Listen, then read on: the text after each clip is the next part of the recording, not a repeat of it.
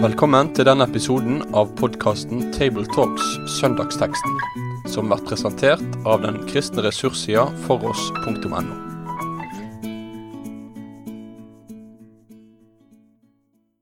Eh, hjertelig velkommen til en eh, ny episode av eh, Tabletalks, der vi snakker om søndagens prekentekst. I dag så skal vi snakke sammen om den teksten som er for 23. søndag i treenighetstida, dvs. Si, søndag 17. november.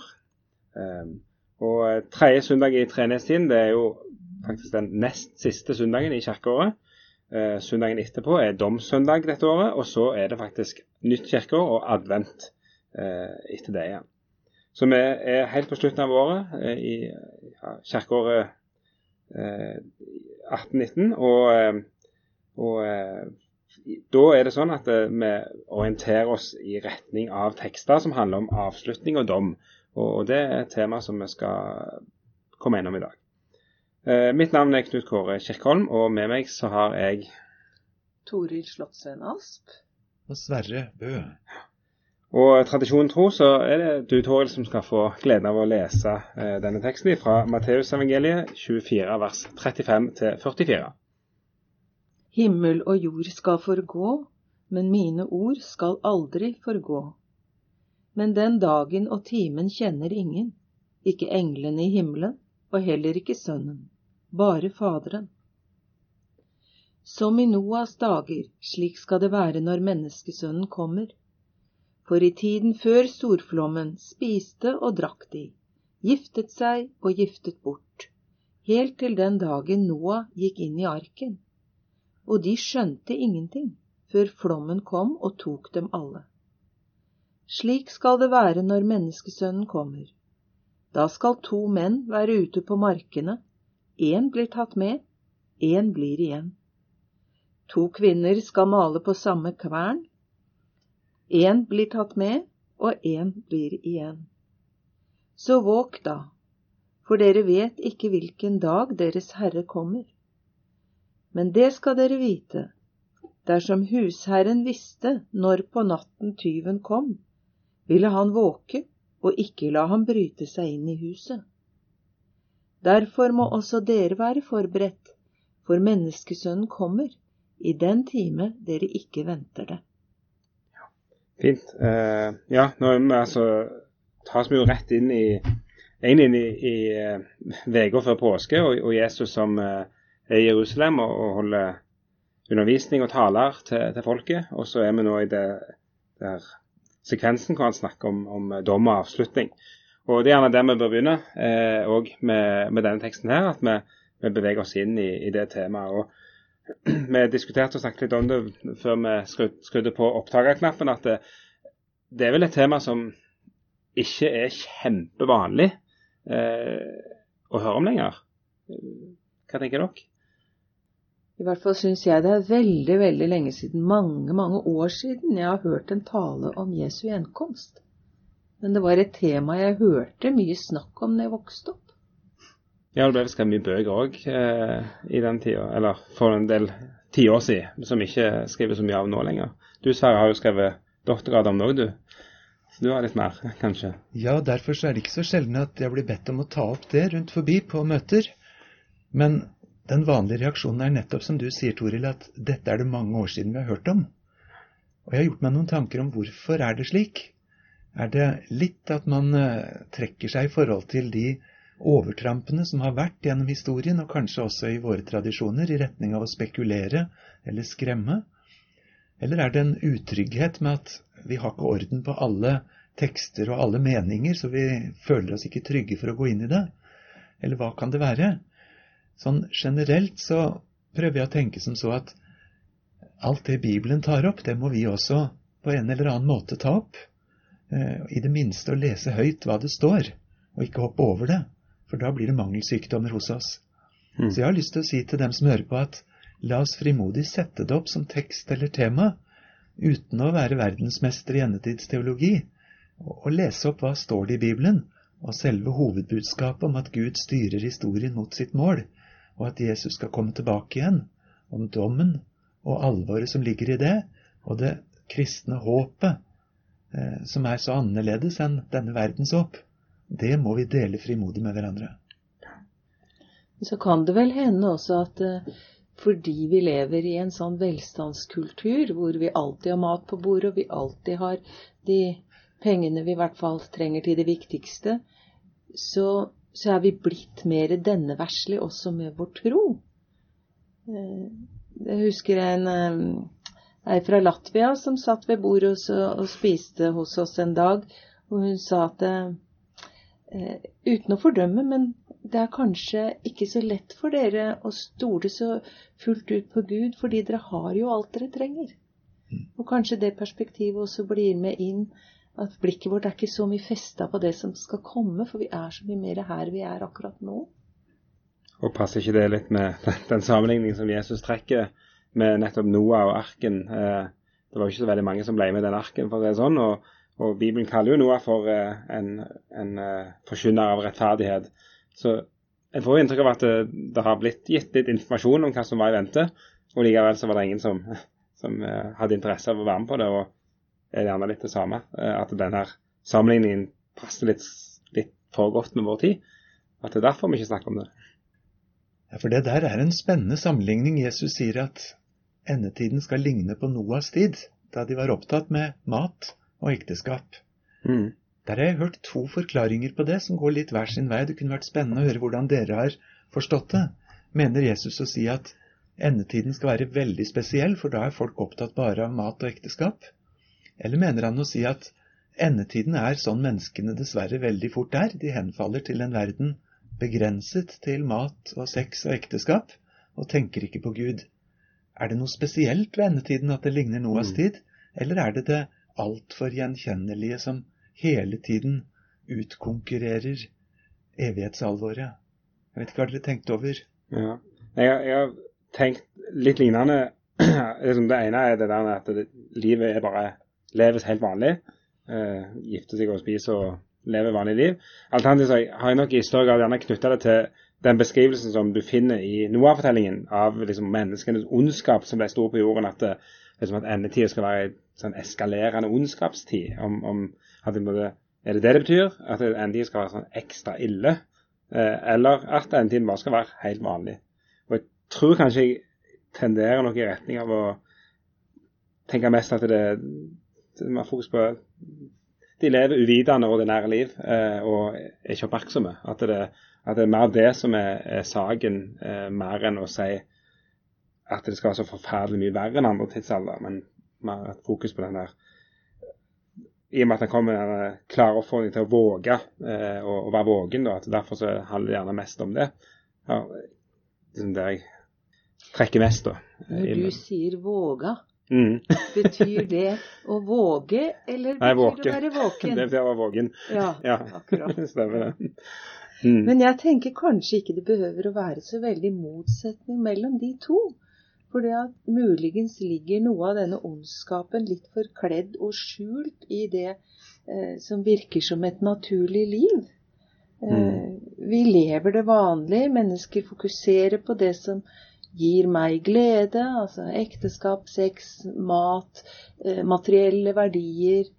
Eh, og så er vi ikke klar over at det også er krefter der som på en måte bryter ned både våre verdier og vår, vårt klarsyn når det gjelder hva Gud mener om det vi står midt oppi. Og så glemmer vi å eh, kanskje fokusere på den større virkeligheten, fordi vi mm. blir så oppslukt av vårt eget. Vi bryter første bud i vår borgerlighet, for å si det på den måten. Altså, vi lever bare et vanlig liv, og så glemmer Gud. Mm. Litt. Unnskyld. Nei, jeg bare tenker at jeg har satt opp kanskje tre sånne ting som som Jesus snakker inn i. Og det ene kan være liksom for å få vekt disipler eh, fra en feiltolkning eh, av den virkeligheten en står i. Og det andre kan kanskje være å tale rett inn i eh, mismot og redsel for det som skjer og skal skje. Og, og, det siste tenkte jeg var kanskje sløvhet, som man måtte prøve å ruske litt opp i. Eh, og så tar han liksom feiltolkningen hvor han sier at sånn er det, det skal forgå, mine ord skal ikke forgå. Dette må bli tydelig for dere. Og når det gjelder at vi mister håp og gir opp, så snakker han et annet sted da, om dette fikentreet. Dere skal løfte hodet, for det er ikke slutten, det som ser så smertefullt og ille ut. Så da gir han oss mot, og i sløvheten så kaller han oss til å våkne. Så liksom flere sånne Vi sklir inn i litt ulike ting, tror jeg, når vi hører en sånn tekst. En annen tematikk som Vi kan godt dvele med dette òg. Eh, eh, men jeg tenkte òg på eh, I og med at dette her trekker inn i endetids eh, og, og, dom og avslutning og sånt, eh, så står det jo her om, om disse her som, som ute på markene. Én blir igjen, én ble tatt med. Disse som maler. Én blir igjen, én ble tatt med. Eh, og så hører jeg til den generasjonen som, eh, som eh, fikk servert bokserien Left Behind. Pløyde den med stor interesse og glede og spenning og, og spekulasjon i min ungdom. og Der var det jo et kjempetydelig skjema for endetid, og der skulle det og det skje, og så kom det, og så ble det sånn og sånn. Og så er jo et av temaene en sånn bortrykkelse. Og Left Behind-serien den begynte jo nettopp med at eh, halvparten av alle flyene datt ned på bakken fordi at det plutselig var en i piloten rykka vekk, og så var det eh, Ja. Hvordan, eh, plasserer vi denne teksten i et sånt et skjema? Det får bli det store, vanskelige spørsmålet. Kom inn på det temaet det som handler om bortrykkelse, tenkte jeg. Ja, for det er jo faktisk et tema og et uttrykk som Bibelen bruker. Her står ikke ordet 'rykket bort' akkurat på, på den måten. Eh, det står mest om den som blir tilbake igjen. Mm. Underforstått ja. den andre er ikke tilbake. Mm. Den bibelteksten som har gitt uttrykket 'bortrykkelse', det er fra 1. Tessaloniker 4, 17. Kanskje jeg skal få lese det verset? Mm. Deretter skal vi som er igjen og ennå lever, bli rykket bort sammen med dem i skyene for å møte Herren i luften og så skal vi være sammen med Herren for alltid. Så Det er noe Paulus altså skriver i 1. Tessaloniker 4 om at ikke vi skal sørge når noen av våre dør, på samme måten som de ikke-kristne gjør, fordi vi har et håp. Og det håpet det retter seg til å være sammen med Gud. Og så er det tydelig et spørsmål da som Paulus tar opp. Hvem kommer først, og hvem mister anledningen? Er det de som dør nå før han kommer, eller er det de som lever når han kommer igjen? Og så blir vel poenget at rekkefølgen der er ikke det viktige, for Gud skal sørge for å kunne hente sine frem. Men der bruker han altså uttrykket å bli rykket bort for å være sammen med Herren og være hos Han for alltid. Og derfor det uttrykket bortrykkelse. Mm. Og det er det ene stedet da i 1. Tessaloniker 4 som sammen med teksten her fra Matteus 24 og tilsvarende i Lukas snakker om et sånt plutselig skille hvor noen kan se ut til å være hentet rett hjem til Gud. Vi kan tenke litt som Elias ble hentet i en ildvogn. Men så kommer neste spørsmål. Når skal en sånn bortrykkelse skje? Mm. Og Der har det de siste hundre årene vokst fram en helt ny tolkning av at det er noe som skjer før trengslene. Og at det ikke skjer i forbindelse med Jesu gjenkomst, men heller et sånt første gjenkomst, hvor Jesus ikke synlig viser seg for verden. Han bare henter ut sine, som rykkes opp i himmelen, og så får de være i himmelen mens trengslene pågår på jorden. Akkurat som Noah satt trygt inne i arken når regn og flom ødela verden for de som ikke var i arken. Så en evakuering av de troende før trengslene. Og det er jo en deilig tanke, for noen hver av oss har vel tenkt med skrekk og gru mm. på hvordan mm. det skal være hvis vi skal oppleve alle endetidstrengslene på jord. Så inni oss så håper vi vel alle sammen på den teorien om en trengsel, om en bortrykkelse før trengslene. Nå er det likevel en teori som ikke så mange støtter, eller i hvert fall ikke mange teologer og bibelgranskere. For det er liksom såpass mange andre ord som forbereder de troende på nettopp å leve i trengselstiden og være forberedt på motgangen. Mm. At Guds hjelp er ikke at han hjelper oss utenom det vanskelige, men at han går med oss gjennom vanskelighetene. Men selve det poenget at på et tidspunkt skal Herren rykke bort sine for å være sammen med Herren, det er egentlig all kristen teologi enig om, for det står jo så klart i Bibelen. Spørsmålet er om det skjer lenge før den siste tid, midt i det, eller om det skjer i forbindelse med Jesu gjenkomst. Da står det jo at hvis ikke denne tida blir forkorta, så vil ingen holde ut. Og da kan det jo virke som vi kommer nok til å møte en del av det, men kanskje, kanskje ikke alt. Ja, jeg tror som deg at det utsagnet direkte henvender seg til oss som hører og blir skremt av alle nutidstrengslene. Gud skal være hos oss og gjøre til og med den type under at dagene forkortes, og det skal være for de utvalgtes skyld. Mm. Så han skal hjelpe oss gjennom trengslene. Men inni meg så håper jo jeg, som alle andre, at dette ikke skal ramme. Men jeg har jo ikke akkurat lyst til å be om at det skal ramme en generasjon etterpå, så barna mine eller barnebarna mine kan mm få trengslene. Så vi kommer til kort i vårt regnestykke. Mm. Og så sier han jo ikke så veldig mye om hvordan de trengslene skal arte seg.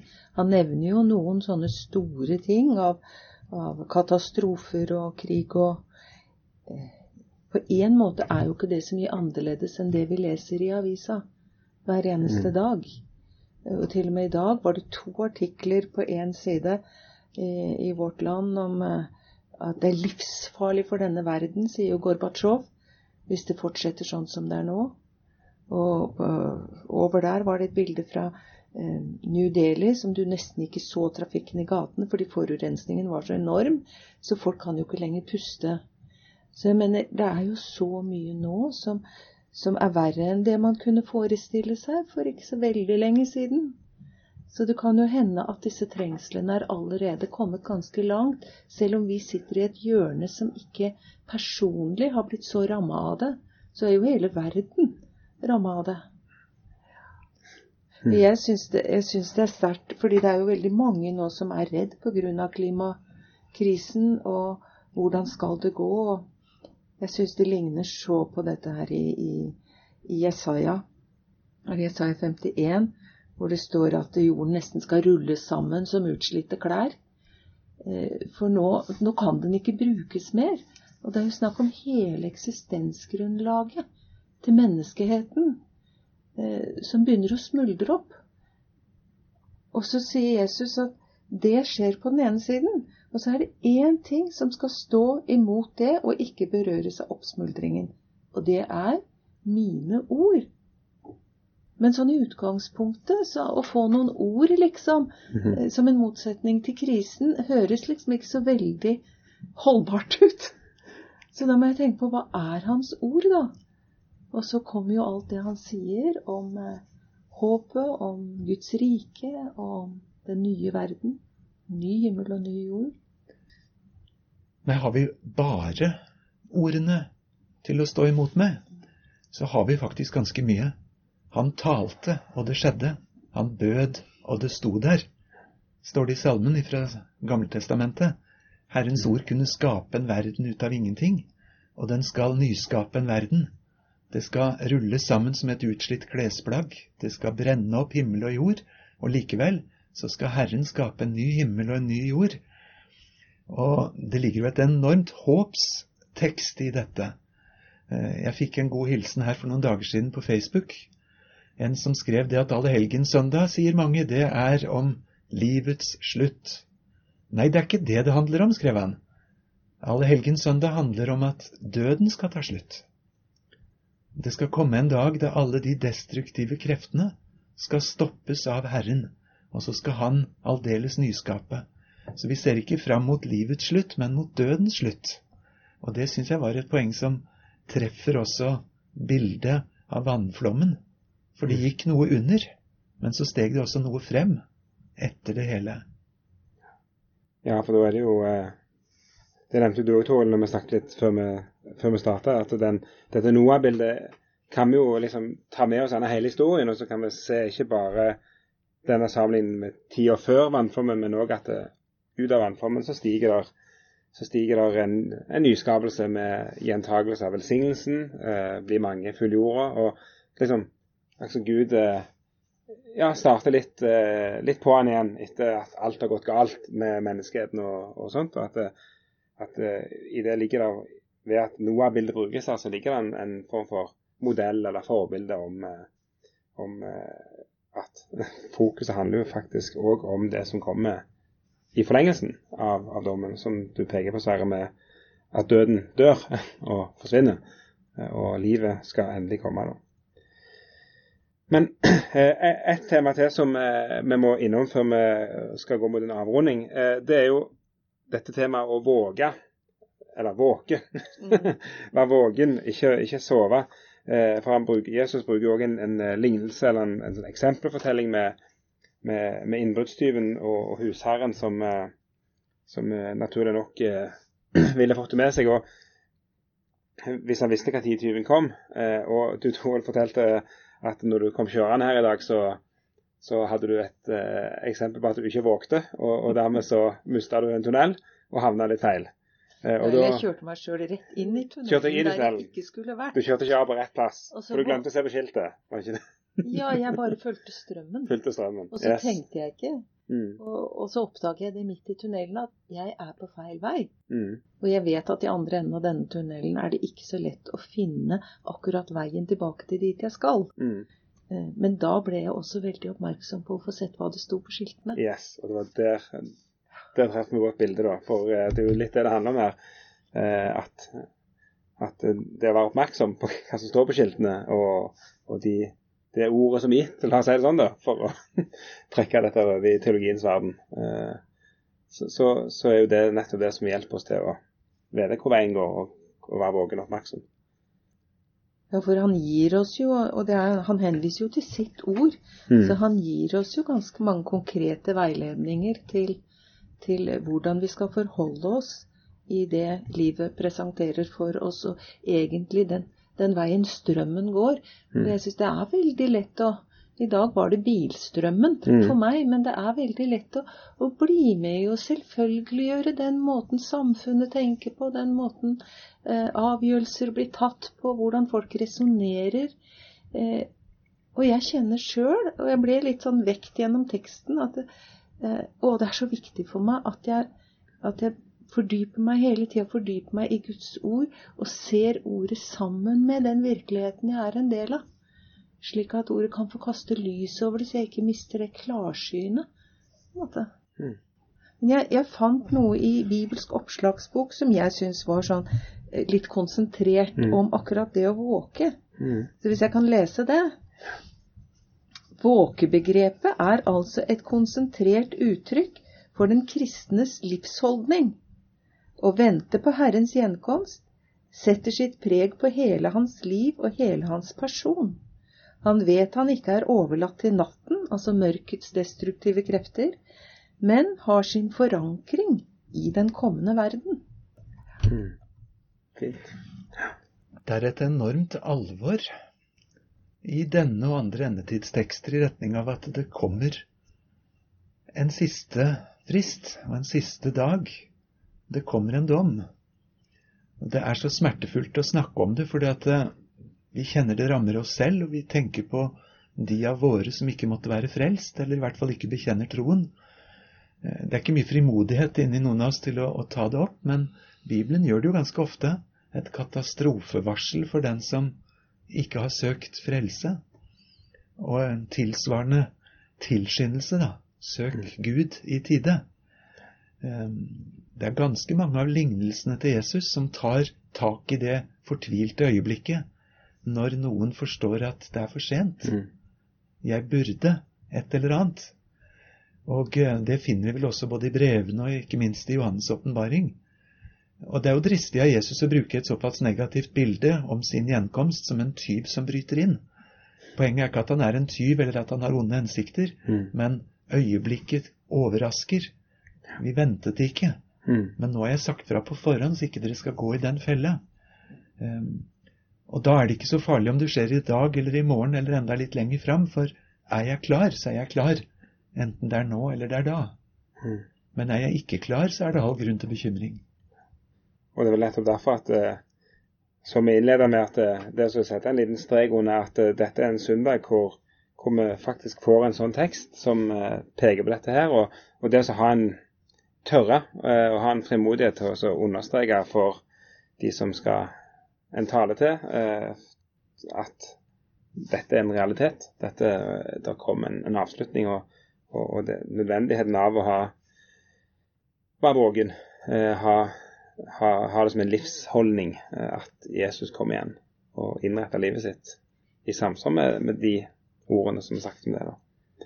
Jeg hadde lyst til å nevne en liten ting som, mm. som også kan bli en trøst hvis en hele tiden blir gående sånn og være redd for at og, Blir jeg med, eller blir jeg ikke med? For det er jo mm. mange som har vokst opp under en sånn redsel. Mm. Eh, og så snakker jo Jesus om at han gir oss det evige liv. Og så tenker vi kanskje først er det liv på jorda, og så kommer det evige livet etterpå. Men, men når vi får det evige liv, så sier jo Bibelen at vi på en måte allerede nå går over fra dette begrensede jordelivet og inn i det som er det evige liv. Og hva er det evige liv? At de kjenner deg mm. og han du ja, utsendte. Kjenne Gud, kjenne Jesus. Så jeg tenker på den som blir tatt med, er jo den som allerede har fått del i det livet som da ikke tar slutt. Så det er jo det å få, få lov å tro at en er elsket, og at Jesus vedkjenner seg oss og har frelst oss da er vi allerede godt, på en måte gått igjennom den krisen som kommer senere. Hvis eh, dere skal tale over teksten, eh, hva, vil, hva vil dere fokusere på og legge vekt på, Sara? Ja, det er så mange ting. Jeg strever med å plukke den ene. Mm. Men kanskje jeg skal få lov å gi ordet til en venn som uh, var en gammel troende, og som gikk mot døden. Det forsto han veldig godt. Og vi snakka om det. Og så spurte jeg er du redd. Og så sa han jeg tror egentlig ikke jeg kan si jeg er redd, men jeg er fryktelig spent. Mm. Hva har du tenkt nå, Jesus? Hva nå? Eh, og spent, det kan jo ha både smerten i seg, eh, men det har også en, en forventning. Eh, og jeg hørte dette som et vitnesbyrd om, om Jesus som sto med han på veien i dødsskyggens dal. At hva har du tenkt med dette, Jesus? Jeg vet det er i din hånd. Så det er ikke den desperasjonen som verden har hvis kloden går under. For det ligger i Herrens hånd. Hva har du tenkt nå, Jesus? Hva skal du gjøre med meg nå? For det er du jeg har med å gjøre. Og Jeg tror ikke det var overmot fra hans side. Jeg tror det var oppriktig sånn han kjente det. Um, å få lov til å leve, ikke bare dø, med den forventningen. Hva vil du? med dagen i morgen, enten den blir på jord eller et annet sted. For jeg har på en måte fått gjort opp med han. På mm. en måte så går utviklingen mot avvikling. Mm. Men det er avvikling av én type kjent tilværelse.